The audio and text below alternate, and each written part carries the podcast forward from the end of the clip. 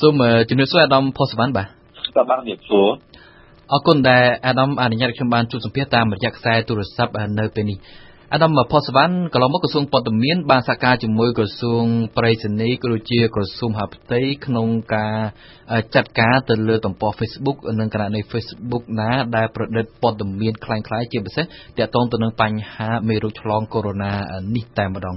តើមកដល់ពេលនេះក្រសួងព័ត៌មានក៏ដូចជាក្រសួងពាក់ព័ន្ធនឹងបានចាត់ការរឿងនឹងដល់ណាហើយឬក៏មានការបិទទំព័រ Facebook និងគណនី Facebook ចំនួនប្រមាណហើយព្រោះថាកន្លងមកគឺហាក់ដូចជាមានតែ មួយករណីប៉ុណ្ណោះគឺទំព័រ Facebook ដែលដាក់ថាព័ត៌មានពិតពីកម្ពុជាដល់បាទតាក់ទងជាមួយនឹងនឹងគណនីនិង page Facebook មួយចំនួនដែលផ្សព្វផ្សាយព័ត៌មានមិនពិតនេះយើងបានធ្វើការចាស់ជិតស្និទ្ធជាមួយនឹងការិយាល័យតំណាង Facebook ប្រចាំនៅកម្ពុជានិងឡាវហើយអញ្ចឹងយើងផ្ញើជាបន្តបន្តទៅប៉ុន្តែការ Facebook គាត់មើលពិនិត្យមើលឡើងវិញគាត់ថាតើព័ត៌មាន page ណាគណនីណាដែល ត្រូវតាមស្តង់ដារដែលគាត់កំណត់បានគាត់លុបឲ្យយើងកន្លែងណាដែលថាមិនស្តង់ដារមិនត្រូវស្តង់ដារគាត់ទេក៏អត់បានលុបទេប៉ុន្តែយើងក៏នៅតែធ្វើការងារនឹងបដាបដាដែរគាត់មិនលុបក៏យើងនឹងចាប់ផ្ដើមនៅតែពិនិត្យមើលតាមតាមគ្រប់ព័ត៌មានអស់នឹង page នឹងឬក៏ account នឹងរដែរដែលយើងបានផ្ញើទៅខាង Facebook ប្រហែលជាតាំង4 5 account ដែរប៉ុន្តែគេលុបឲ្យយើងតែមួយករណីព័ត៌មានពិតពីកម្ពុជានោះទេបាទ4 5 account ហ្នឹងអាដាមអាចបង្ហើបបានទេ account អីខ្លះទៅបាទ បាទយើងឃើញទៅជា account ថ្មីថ្មីនេះ account ដូចជា Fast New Fast account ខ្ញុំមិនចាំឈ្មោះ account មួយមួយដែលក្នុងហ្នឹងមើលឈ្មោះនេះនៅក្នុងនៅក្នុងទូរស័ព្ទដៃហ្នឹងពុំនិយាយហ្នឹងដែលយើងក៏អត់មាន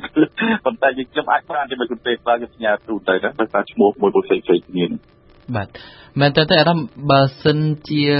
ខាងក្រុមហ៊ុន Facebook មិនមានការលុបគណនី Facebook ដែលប្រឌិតព័ត៌មានទាំងអស់ហ្នឹងដែលអាដាមបានលើកឡើងហ្នឹងតើ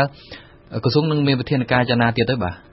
ចេះតែតាក់ទងជាមួយយើងមានយន្តការនៃសមាជិកស្របបាត់ជម្រាបជូនក្រសួងព័ត៌មាននិងក្រសួងប្រៃសណីនិងក្រសួងហាផ្ទៃនឹងធ្វើការប៉ុន្តែ account មួយចំនួនទាំងអស់ដែលយើងថាស្នើសុំឲ្យ Facebook លុបនោះ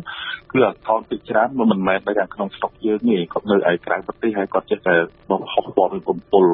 អញ្ចឹងយើងបានយើងធ្វើការជាមួយខាងគេនោះណាប៉ុន្តែយើងនៅធ្វើការបន្តបន្តទៀតថ្ងៃនេះក៏មានកិច្ចប្រជុំរបស់ក្រសួងប្រៃសណីអីចឹងគាត់ថានឹងព្យាវិធានការតទៀតដែរ វិធានការយើងយើងដូចខ្ញុំជម្រាបជូនថាទី1ក្រសួងព័ត៌មានទៅធ្វើតែការងារដែល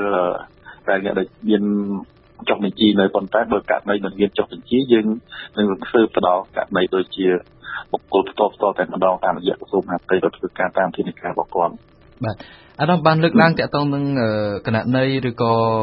ទំព័រ Facebook ខ្លះហ្នឹងគឺថានៅខាងក្រៅប្រទេសទេ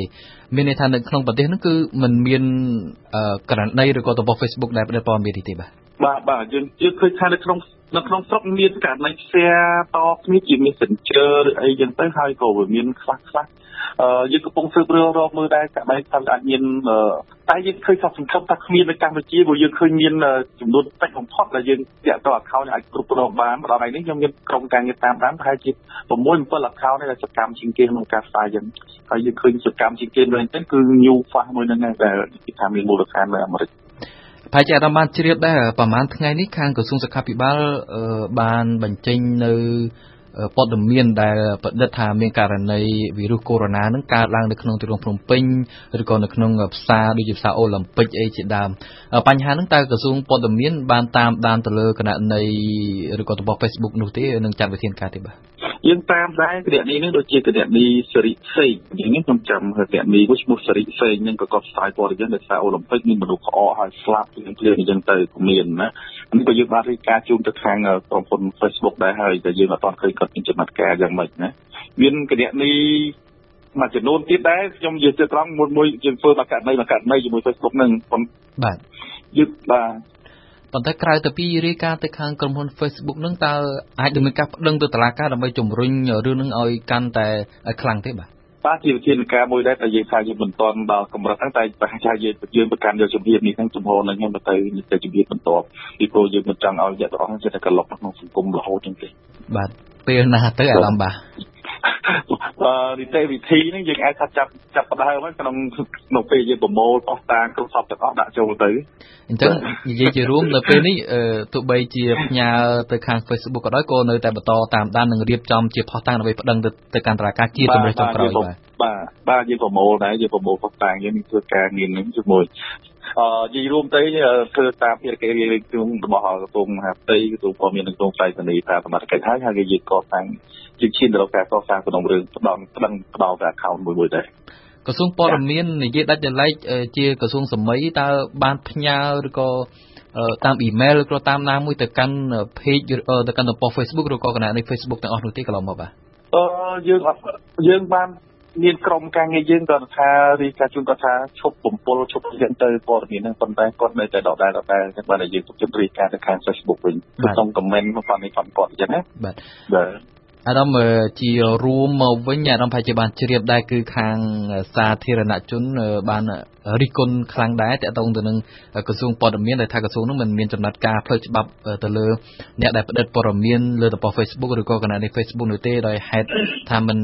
មិនចាត់ការទៅលើពួកគេដោយហេតុផលអីផ្សេងផ្សេងជាដើមអាដាមតើក្រសួងព័ត៌មានមានការលំបាកយ៉ាងម៉េចចំពោះបញ្ហាហ្នឹងបាទជម្រាបត្រង់តែម្ដងទៅយើងកន្លងទៅក្រសួងព័ត៌មានក៏ សារភាពដែរថាដូចជាមានចំណុចថា